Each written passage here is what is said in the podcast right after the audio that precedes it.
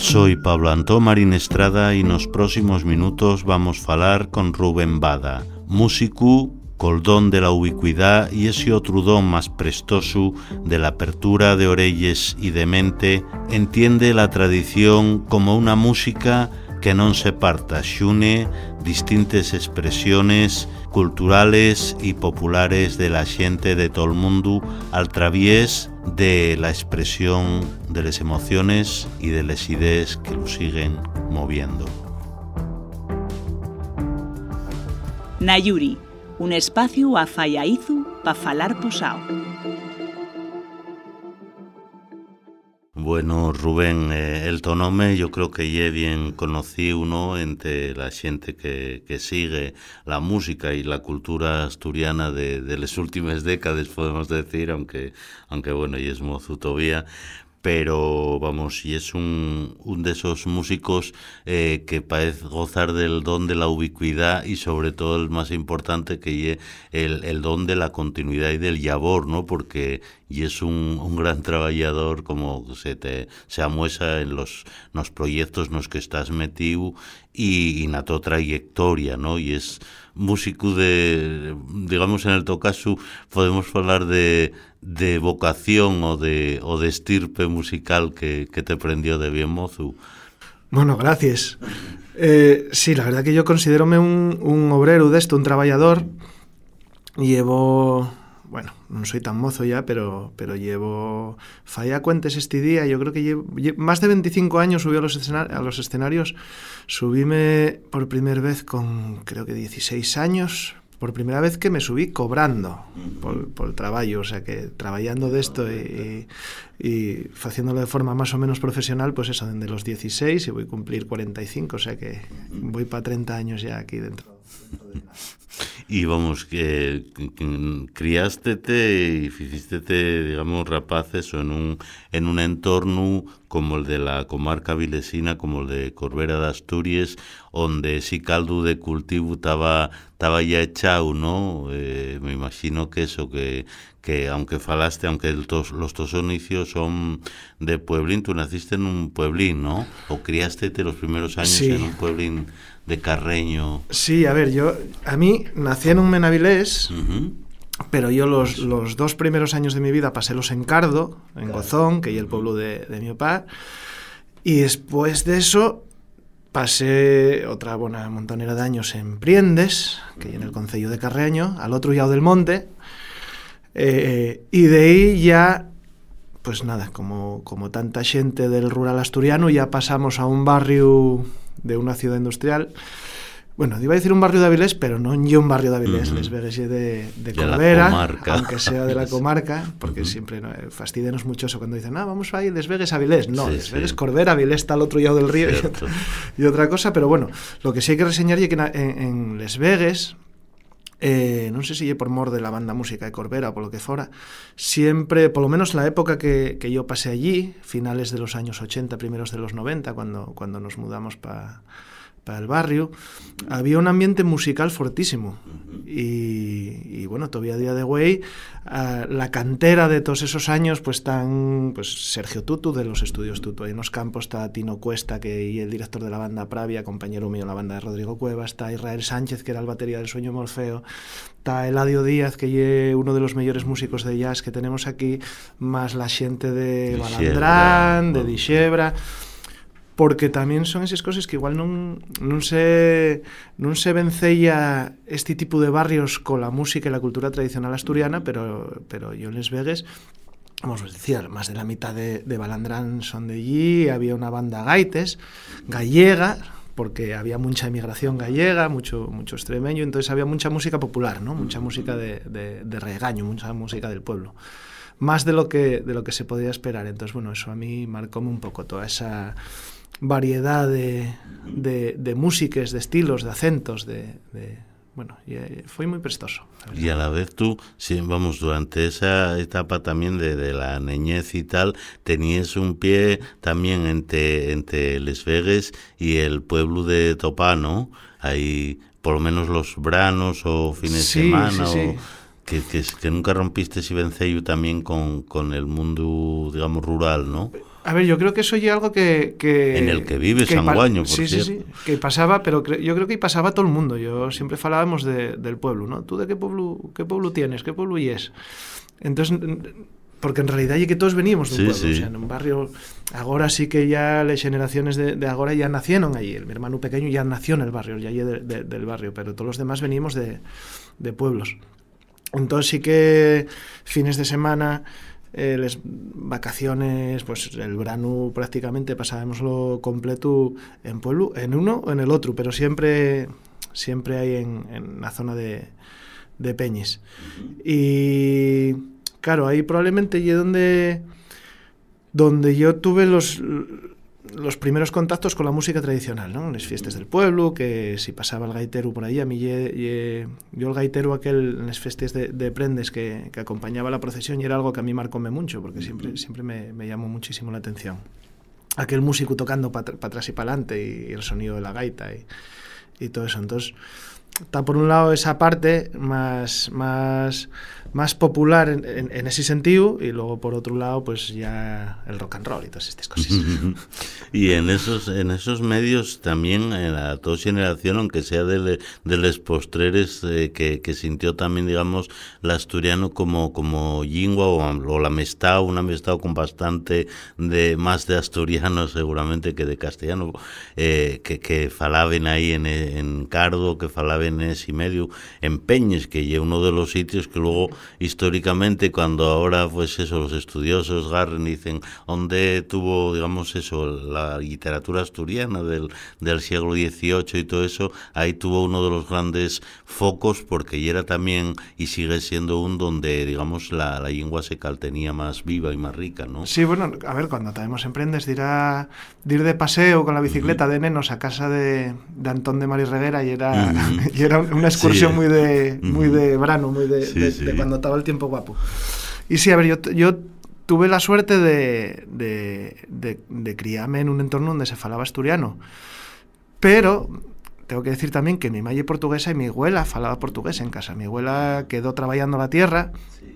con lo cual nunca deprendió ni en asturiano, ni en castellano, ni en, y lo único que deprendió fue las palabras que eran estrictamente necesarias cambiar porque no tenían, no se parecían entre el portugués. Entonces yo, yo tuve la suerte de criarme en un entorno trilingüe, ¿no? por decirlo de, o, o, casi cuatrilingüe, porque luego mucha parte también en Galicia, con lo cual por un lado falábamos asturiano, por otro lado falábamos portugués o gallego, y luego por otro lado ya en la escuela ya, ya nos educaban en, en castellano, ¿no? Entonces, eh, tuve la suerte eso, de, de, criarme en ese entorno que también aprend, aprendete mucho a, a, a bueno, a tener las orejas abiertas, que eso para los músicos además es muy, muy importante, ¿no? El ser capaz de, de escuchar y, y, de respetar. Y les mecigalles, antes también aludíes a los propios musicales, les culturales, ese es también marque, me imagino, cualquier, eh, vamos, digamos, cualquier persona, cualquier vocación creativa, ¿no? Les mecigalles culturales, de sonidos, de, en este caso tú como falabas ahí también de lenguas, culturas, procedencias, eso me imagino que, que te abre también no solo los oídos, sino también la mente, ¿no? Hombre, claro, artista. porque yo creo que es fundamental. Uh -huh. Soy una fuente de riqueza importantísima, el, el entender que, bueno, que la, que la, endogamia no es sana. Uh -huh. La endogamia, pues todos sabemos cómo acaba, que acaba con, con la muerte de, de, la sociedad que, que es endogámica, ¿no? Con lo cual, todo lo que sea enriquecer, todo lo que sea aportar, todo lo que nos faiga movernos, no me gusta el término de avanzar, porque avanzar implica una dirección y a veces no tenemos por qué ir siempre en esa dirección, a veces hay que, hay que pegar volantazos. Eh, pero bueno, lo que yo estar en movimiento y estar enriqueciéndose y estar, pues no sé, descubriendo cosas nuevas, descubriendo, pues eso, otras, otras formas de entender la vida, otras formas de, de, de entender el mundo y eso yo creo que nos, que nos enriquece, ¿no? Uh -huh. Y que ponga en valor eh, pues, pues lo, que ten, lo que tengamos que poner en valor uh -huh. y lo que tengamos que, que, desechar, pues vamos a desecharlo también, porque, porque igual nos pone contexto, ¿no? Entonces, bueno, yo creo que ye, bueno, esa parte de, de avanzar con la vida, ¿no? Cierto, y eso, digamos, llevamos a algo que me, vamos, te, me comentaste en, en, más de una ocasión y tal, sobre un término que, bueno, que ya muy, está muy mansuñado y a veces, eh, digamos, también viciado, ¿no? En el peor sentido de la palabra, que ye el, el, el, de tradición o tradiciones. Eh, tú falabas eso como algo más en el sentido de tradiciones de pluralidad y de, y de algo que compartimos con, con mucha xente e sobre todo vivimos en un tiempo que se nutre de todas las tradiciones populares que, que llegaron hasta y que aquí, a mí ¿no? el término tradición uh -huh. hasta cierto punto eh, implica determinadas cuestiones que, que a veces no me prestan mucho.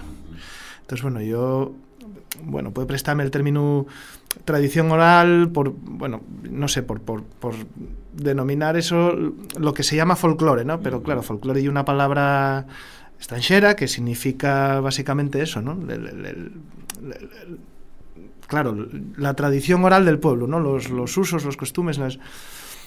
Eh, pero claro, parece que, que tradición como que como que agora mesmo hai determinadas persoas que quieren apropiarse dese término para usalo para representar unha serie de valores e unha serie de bueno, de, de formas de entender la vida y de entender la convivencia, o la non convivencia, más bien, más bien de, de la forma de, de, de imponer según qué, qué cosas con las que no estoy muy de acuerdo, porque yo entiendo que, el pueblo en este caso suele ser soberano siempre, y el pueblo siempre decide que ya lo que lo que se quiere quedar, lo que, lo que ya no tiene valor para el pueblo, lo que a lo mejor ya no pinta nada y a lo mejor puede darnos pena algunos o, o no, o a lo mejor entendemos que hay cosas que ya mejor de ir dejando atrás y, y quedarnos con, con lo que realmente sí que aporta belleza y sí que aporta riqueza. Y sí que fae que, que, que nos ayuntemos en vez de, de separarnos y bueno, yo, yo entiendo un poco así, ¿no? Que, que lo que tenemos es que faer comunidad y faer, no sé, cosas guapes. Pero si hay tradiciones musicales y en cierta ocasión también me, me falabas de eso, de cómo, cómo entamó el tocamino la música, aparte de esa figura tradicional del gaitero, que yo creo que eso marca a cualquiera también y sobre todo esa presencia solemne, ¿no? Que no lle, sim, simple, seguro que no tiene el mismo impacto ver a, digamos, un músico na calle en una esquina y eh, a lo mejor con una gorrina pidiendo monedas que ver a alguien en la procesión del pueblo, en los principales y con esa eh, ese sonido tan potente y tal, pero el tocasu también creo que en esos anicios eh, de, de, cuando eres rapaz marcóte también el rock and roll más clásico, ¿no? A través de, vamos, el rock and roll de casi que del, del, de los 50 o los 60 del Chuck Berry, de toda esa gente a través de, de alguien de, no sé si era amigo tuyo o familiar, ¿no? Que sí, escuchaba sí, sí, ese claro. tipo de música. A ver, yo, yo eh, tenía un primo que, bueno, tengo un primo que, que, que era muy, muy fan de la música y él gustaba mucho toda la música, todo el rock and roll primitivo de aquella época de los años 50, todas las grabaciones de Sun Records y eso a mí marcóme muchísimo porque, porque a mí gustaba mucho también. Entonces gustaba mucho y tuve la suerte de tener un primo que tenía una colección de vinilos porque de aquella evidentemente no había internet ni era un tipo de música que se, que se pinchara mucho por la radio. Entonces bueno, tenía una colección allí de vinilos a, a disposición mío que que, que bueno, que fixeron que, que en la época yo tuviera una cultura musical bastante diferente de la que tenían los mis, los mis compañeros, ¿no? los mis amigos o los mis collacios de, de la escuela o lo que fuera. Porque bueno, con 10, 12 años pues escuchaba mucha música y de un tipo que no era lo habitual. Entonces yo, yo era un poco, un poco friki para eso. Yo con, acuérdome eso que con pues que en, quinto, sexto de Cheve, que y eso, con 11, 12 años, yo era súper fan de los Cramps y de los Snake Cats, cuando el resto del mundo escuchaba o, o seguro, vamos, porque esa zona ahí en Les Vegas, como las zonas de barrios así trabajadores y eso, seguro que entre la ciudad, o sea, predominaba el heavy o ese tipo de, de sonidos en, ahí que, que hieren. Vamos, bueno, había un poco de sí, todo. Un poco de había todo. un poco de todo. Entonces, claro, yo uh -huh. también, por otra parte, a ver, yo nunca tuve zarrado a ningún estilo, nunca uh -huh. fui aunque sí que me tiraba lo que me tiraba, yo nunca, nunca fui parte de, de ninguna tribu, de, ni de nada así. Yo tenía otros amigos ahí en el barrio que eran muy fans de Barricado, que me pasaban cintas de Anthrax, de todo el trash metal y de, de todo esto que, que, que había en la época y que también me marcaron mucho. Hay cosas que, que, escuché mucho y hay cosas que no. Lo que pasa que, bueno, yo siempre tendía a gravitar alrededor de esto del rock and roll, pero bueno, también acuérdame que tenía una, una cinta de cumbies por casa que a mí encantaba, del Cuarteto Imperial. Entonces, bueno, que... Es decir, que yo nu- nunca me... siempre tuve la, les orelles como muy abiertas a, a, todo lo que me, a todo lo que me aportara algo o todo lo que me hiciera sentir algo, más bien, ¿no? Porque al final el arte o, o la música o lo que sea, pues bueno, yo creo que tiene que, que tocarte de alguna manera. Eh, o no, a, lo mejor, quiero decir, ese sentimiento nada más que lle, pásalo bien, no tiene por qué tener una retórica súper complicada detrás, ¿no? Pero por eso, yo si- siempre lo que me gustaba y me hacía eh, pasar un, un buen rato, yo consumía, no tenía ningún problema. Ujú. Y la, la tua conexión col folk que también tiene que ver a lo mejor un contexto donde ahí también hay digamos historia ahí de, de bandes desde desde los míticos aquellos me parece que eran Hierbabuena el nombre de los al principio de los 70 Hierbabuena o no vamos un de esos primeros grupos de folk que hubo Madre Selva, quise Madre decir. Selva Madre decía que hierba sabía yo que algo de hierbas tenía y, y después de Trasgu con todo lo que empieza luego posteriormente Balandrán donde estás ahí ¿cómo llega esa conexión tuya con, con ese otro tipo de sonidos y, y en concreto con los instrumentos que aunque Pues ella es multiinstrumentista pero vamos con los que esa, más te eso identifiques. llegóme por un compañero del instituto que un día pasóme una cinta. Él tocaba el, el violín, de hecho ahora mismo ye violinista de, de la OSPA, un músico tremendo. Y de aquella tenían, tenían un grupo folk y él empezó a falarme de, de ese tipo de, de músicas y tal, entonces pasábame cinta. Esto que fallamos de aquella, que de aquella en vez de mandarnos enlaces por, por WhatsApp, pues compartíamos cintas de casete, que mucha gente igual ni saben lo, lo que son. Pero bueno. Eh, entonces pasóme eh, un par de, de cintas de un par de grupos irlandeses Ujú. ¿Acuerdas de- y él decía, me hieren la voz Iván, Ajá. evidentemente, que hieren como... Bueno, y que la voz Iván son un grupo irlandés que fueron como un poco los padres del invento, ¿no? El formato de grupo folk que, que más o menos todos tenemos na, na tiesta cuando se fala de ello y, y un, y un invento de este grupo, de la voz Iván. Entonces yo acuérdame de escuchar aquello y flipar, porque claro, y era música tradicional y era un poco aquel gaitero que yo, que yo Ujú. sentía por las procesiones, pero con guitarra, con buzuki, que aunque haya gente a día de hoy que, que piensen que bueno una guitarra acústica y un buzuki hay que folk y que tradicional en aquel momento ya era Sí, como sí. hostia esto están intentando tocar rock and roll Sí, y era una actitud muy de muy de rock and roll y la forma de tocarlo.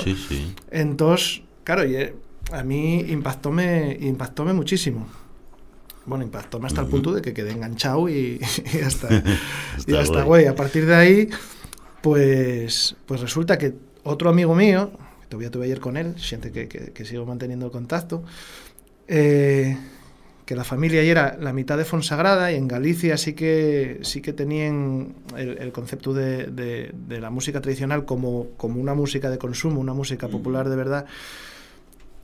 Teníanlo muy arraigado, eh, pasábame también cintas de grupos gallegos, de Milladoiro, de, estos, de los otros. Y a partir de ahí yo empecé a construirme un poco el, mundo este folky. Eh, yo de aquella estaba empezando a tocar la guitarra y entonces ya empecé a, a buscarme un poco la vida, a ver cómo, cómo podía hacer para tocar esa música, porque no, no es tan fácil dar con ello. O sea, hay que entender que la gente que, que empezaron con, con esto, Elías García, Igor Medio, todos los, los pioneros de, de los instrumentos de cuerda na, na música tradicional asturiana tuvieron que hacer un traballo aí de, bueno, inventarse un estilo prácticamente, porque tú partimos de, de, la nada, o sea, non había nada, el, bueno, para el que non lo sepa, la música tradicional asturiana, como muchas músicas de, del arco atlántico o de o de o del de, del oeste de, de Europa, son músicas modales Esto significa que son músicas que están basadas en un roncón, como la, la gaita, el roncón de la gaita, sobre un bordón, y no tienen acompañamiento. Entonces, eh, y es lo que diferencia principalmente las tradiciones musicales del norte de la península con las del sur de la península, donde sí que hay guitarras, sí que hay instrumentos que, toquen unos acordes por detrás. La música de aquí eso no, no se entiende y por eso la, las melodías asturianas tienen, tienen como unos rasgos que les fai muy, muy especiales, ¿no? Entonces, claro, como no tienes nada en lo que en lo que apoyarte, tienes que básicamente descubrir que es lo que cómo se falla esto. Y cuando quieres respetar un poco el, el cálter de, de, esa música y la esencia de esa música, pues bueno, tienes que hacer ahí un trabajo bastante importante hasta, hasta dar con algo que funcione. Porque bueno, cuando sí que sí que se fixeron muchos arreglos orquestales y cosas, pero bueno, muchas veces lo que se falla ahí era un poco trampa y a lo mejor ser un poco flexibles con las melodías o con, o con el concepto para llevarlo un poco a las tradiciones ya más, más, vamos a decir, académicas. No me gusta a mí el concepto este de música culta contra música... Tal, no, no. Entonces, bueno, pues, pues eso, que fue un, viaje bastante interesante de, aprendizaje, de, de, de descubrir, de, de estar intentando probar cosas a ver hasta que hasta que hasta que diéramos con algo que, que, funcionara. Y eso, bueno, no solo con la guitarra, yo descubrí el, el buzuki, que es un instrumento que me enamoró y que, que es lo que, lo que más toqué, pero de aquella también este, este amigo mío, Pablo, pasárame un, un bigulín, entonces empecé a tocar un poco el bigulín, y lo mismo, porque ye, eh, a pesar de que en Asturias había una tradición importantísima de, de bigulín popular, eh, muy, muy importante, de hecho, en Número yo creo que, que había más vigulineros que, que, gaiteros, o por lo menos eso, eso dicen les, les fontes que, que tenemos. Eh, prácticamente eso desapareció. O por, igual por ese carácter simbólico que tiene la gaita, lo que os decía, ¿no? que es mucho más impactante, ver a un gaitero por ahí desfilando que con vigulinero, por lo menos para, para un asturiano. ¿no? Entonces, porque muchos gaiteros tocaban el vigulín también, lo que pasa que como que, que se obviaba ese ese dato. Normalmente los gaiteros en exterior tocaban la gaita, porque hay un instrumento de, exterior, pero cuando estaban, pues eso, en esfollaces, filandones, en fiestas más de interior, tocaban el bigulín porque la gaita en un sitio cerrado no hay un instrumento tampoco muy, muy agradable, entonces solían tocar el, el bigulín. El caso es que eh, esa tradición sé que desapareció del todo, quitando cuatro, cuatro eh, tocadores que, que, bueno, que a día de hoy quedaban en, en el Concello de Piloña, debió de ser donde, uh -huh. donde queden los últimos sí. tocadores tradicionales, eh, en la zona de la villa. Uh -huh. Pero bueno, el caso es que, que, que lo mismo, teníamos que reconstruir una técnica, ¿no? De ver cómo uh -huh. tocamos música asturiana con, con el bigulín, porque, bueno, tiene una serie de, de rasgos, lo, lo mismo de, de antes, ¿no? De, de, características, si se toca para el valle, hay que acompañar al valle, hay que hacer una serie de cosas, entonces, bueno, que lle un viaje de, de descubrimiento muy, muy interesante, sobre todo porque porque tenemos que faelo todos nosotros. Entonces, aparte de descubrirlo, yo también como muy de, de expresión personal, porque no tienes tampoco a nadie imponiéndote una técnica o un discurso, ¿no? Entonces, eh, eso es lo importante también de la música tradicional, que podemos expresarnos con, con las nuestras propias palabras musicales sí. y, y, eso fa que sea que sería uh -huh. algo moi potente, ¿no? Uh -huh. E el teu caso, vamos, ese contacto con xente afines, ese deprendimiento personal, incluso descubriendo caminos que todavía estaban per andar, eh, tiene un punto de inflexión que, que siempre resaltes también, que lle cuando, cuando tú decides viajar ahí a, a Irlanda, a, al contrate físicamente directamente con, con esa música, a qué deprendiste ahí, qué, qué, topaste allí y qué deprendiste de esa experiencia donde viviste ahí eh, un cierto tiempo, un vencido que sigues manteniendo eh, en el tiempo, ¿no? Con gente que conociste de aquella y con esa música en concreto. Pues ese viaje fue un poco casualidad. Uh -huh. Yo estaba en ese momento en un punto de, de inflexión en mi vida y decidí que, que, bueno, que tenía que ir a ver mundo y ir a, a bueno, a, a, a, descubrir el mundo y a lo mejor a descubrirme a, a mí mismo, ¿no? a, buscar el norte, como decía García Oliva en el cuento este que tiene. Entonces, por lo que fuera, acabé en Irlanda, no estaba premeditado. ¿vale? Mucha gente piensa que igual por el tipo de música que toco y por lo que tal, que yo tenía muy pensado de ir a Irlanda, pero en realidad no, yo acabé allí de, de pura casualidad. Y además, yo tenía un amigo que estaba en Irlanda, en Limerick, viviendo, que ya era músico también, Luis, que, que, que tocaba conmigo en un grupo que, que tocábamos que ya era Xéliba, y él sí que marchó para allí a trabajar, pero yo no fui para allí. Sí, yo de hecho acabé en Belfast, que ya está como la, como la otra punta. De, Sí, de hecho, a nivel administrativo ni Sí, siquiera sí. lle- lle Irlanda, Irlanda. y parte del, del Reino Sí, Unido. sí. Bueno, esa cuestión vamos a Sí, sí. otro día. Pero bueno, ya acabé en Belfast, por casualidad. Eh, non llevaran instrumentos musicales siquiera. Yo iba allí a otra cosa. Yo ya planteara que, que eso de andar por ahí de titiritero y fiendo el tonto con la música ya tenía que...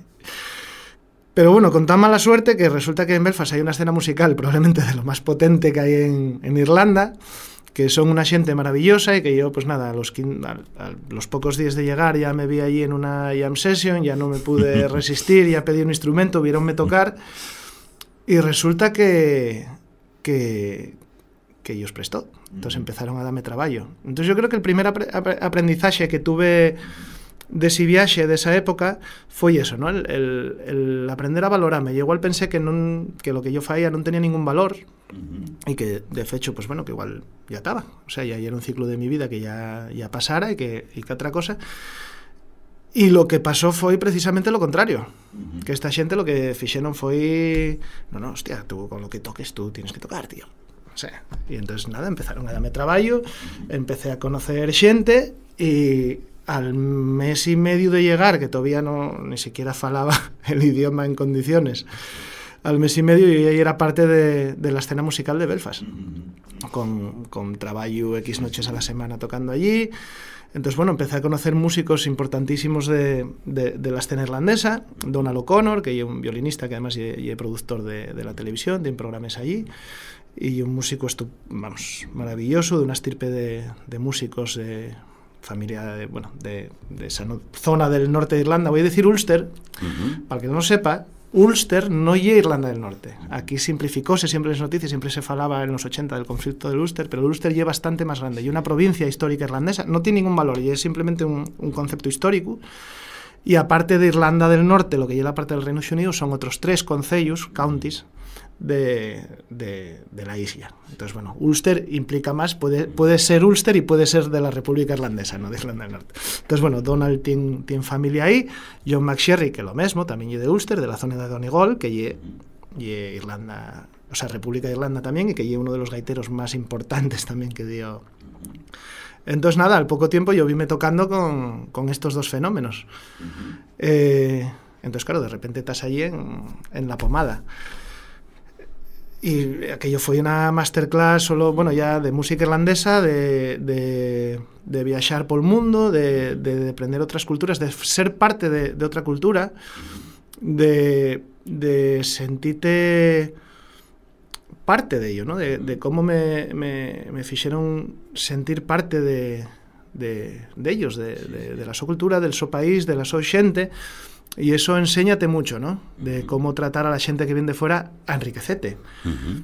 Y pon mucho contexto también cuando yo miraba para aquí siendo irlandés, ¿no? Uh -huh. yo, yo, acabé considerándome, de hecho todavía el otro día en el Festival de Lorient llegué, estaba aparcando el coche en el hotel y veo los uh -huh. ahí en la puerta del hotel, no sabíamos que, que estaban allí.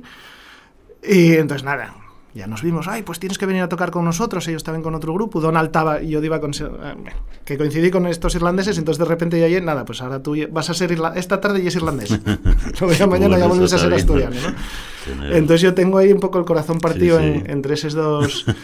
Entonces enseña, uh -huh. enseñóme mucho eso, a, a, cuando estaba allí, que yo miraba para aquí, para Asturias, uh -huh. Y muchas veces decía, joder, qué mongolos somos, tenemos esto que es una, una maravilla y no miramos para ello. Y además enseñaronme ellos que, no, si lo que vos fai interesante y es precisamente esto, uh -huh. y en la vuestra lengua, y en la vuestra cultura, y es lo que vos fai especiales. Uh -huh. Y eso no, no está reñido con ser parte de, de, pues bueno, del contexto administrativo en el que teis o, o las culturas con las que convivimos, o sea, no... Porque hay mucha gente que a lo mejor piensa que si tú fales en asturiano y, y quieres trabajes por la cultura asturiana, estás, vamos, que quieres romper España. Y no se trata de eso, ni mucho menos. Y es simplemente el, valorar la, tu cultura donde tú naces, lo que tú yes, ¿no? Y, y, que precisamente eso enriquece al todo, a un nivel ya global, lo que te digo. Entonces, Y mucho, y, básicamente lo que dependí de, toda esta gente, que además viví en, o sea, acababan de salir de un conflicto de, de décadas, por no falaría de siglos, de, bueno, de la convivencia entre las culturas de ellos, y yo que esperaba un sitio bastante más turbio, bastante más sectario de lo que, de lo que me esperaba, bueno, por lo que nos vendieron aquí en las noticias, de, encontréme todo lo contrario. Y un sitio donde la gente quiere convivir, donde la gente quiere apreciar la diferencia, donde la gente quiere valorar la, la cultura de, del otro y donde lo que queremos es estar todos, pues, dependiendo los unos y los otros, de, de pasarlo bien, porque al final para lo que estamos en este mundo, ¿no? que la vida son, son dos días. Estar aquí para pa estar amargado no, no paga la pena. Entonces, a mí enseñaronme, enseñaronme muchísimo. Y de todo eso, ese ese conocimiento que algamaste ahí, volcástelo después en, en todos tos, eh, trabajos con, con grupos, con bandes, pero como aquí tenemos que adelantar, dar un salto en el tiempo y también yo creo que importante, otro punto de inflexión en la tu carrera, me imagino que fue el encuentro con, con Leticia Baselgas y, y la, la fundación del vuestro proyecto LR, ¿no?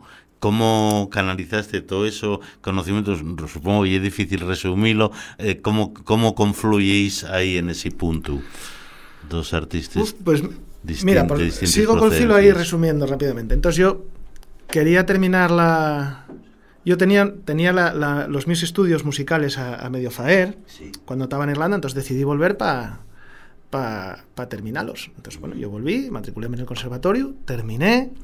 Entonces yo soy titulado superior en guitarra clásica, yo tengo la carrera de guitarra clásica y tengo el, el grado profesional, lo que antiguamente era el grado medio de, de viola. Y yo, bueno, decidí que, que si me voy a dedicar a esto, por lo menos tener un papelín para el día que ya no me pueda dedicar a lo que yo faigo, pues poder ganarme la vida medio dignamente. Terminé la carrera de, de música, coincidió que en estos años de, de, la crisis, que tampoco ya que tuviéramos mucho trabajo, entonces bueno, terminé la carrera como buenamente pude y según terminé la carrera conocí a Leti. Uh -huh que terminaba ella de doctorarse, con lo cual, en realidad, LR empezó de una forma muy, muy teórica, porque bueno, conocímonos, empezamos a, a tener una, una, relación y cuando estábamos así conociéndonos entre botella sidra, botella vino, pues teníamos estas conversaciones súper profundas de filosofía, de tal, de estética, de no sé qué, de lo que nos presta, de lo cómo no nos presta, de cómo entendemos la música, cómo, cómo entendemos la, la, música tradicional. Aquí ya, mira, podemos entrocar con el término tradición y cómo lo entendimos cada uno. Entonces, falábamos mucho de eso, ¿no? De que yo entiendo, lo, como, como os decía, como algo abierto, como algo que está vivo, como algo que, pues que si va a cambiar, va a cambiar, porque, como vos dije antes, el, el pueblo ya es soberano y el pueblo es cuey, que es lo que lo que, lo que quiere faer con, con las sus costumbres, con la su música, con los sus cuentos, con lo que sea. Y Leti venía de un, de un mundo bastante más ortodoxo, ¿no? Del mundo de la pandereta, donde no, esto tiene que ser así, esta canción no se puede tocar, que y eso de, de, de, de tocar una canción tradicional asturiana con un buzuki o con un bodran en vez de una pandereta, ¿no? Porque esto tiene que ser de esta manera. Y entonces yo dije un día, mira, a que toco un blues con la guitarra eléctrica y tú toques una muñera por encima ya que va a funcionar. Y de ti, ¿qué dices? Eso es un poco menos que, que, que pecado, ¿no? Pero hicimoslo. -huh. Y entonces yo creo que, que ahí Leti tuvo una, una, una epifanía.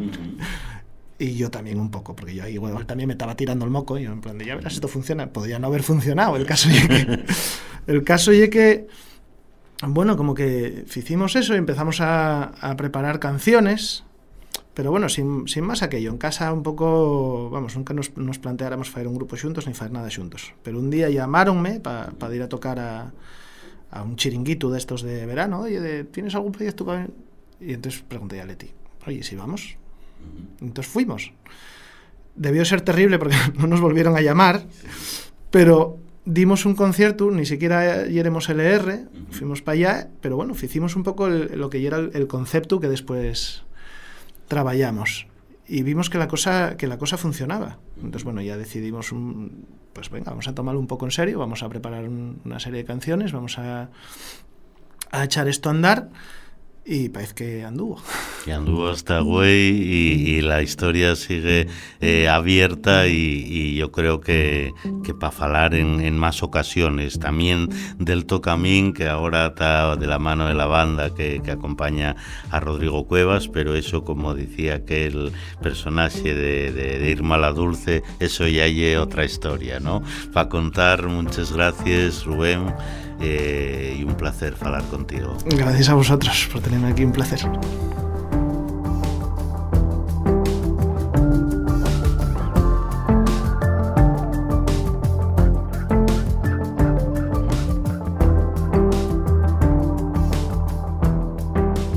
Nayuri, un espacio a Fallaizu para falar posao.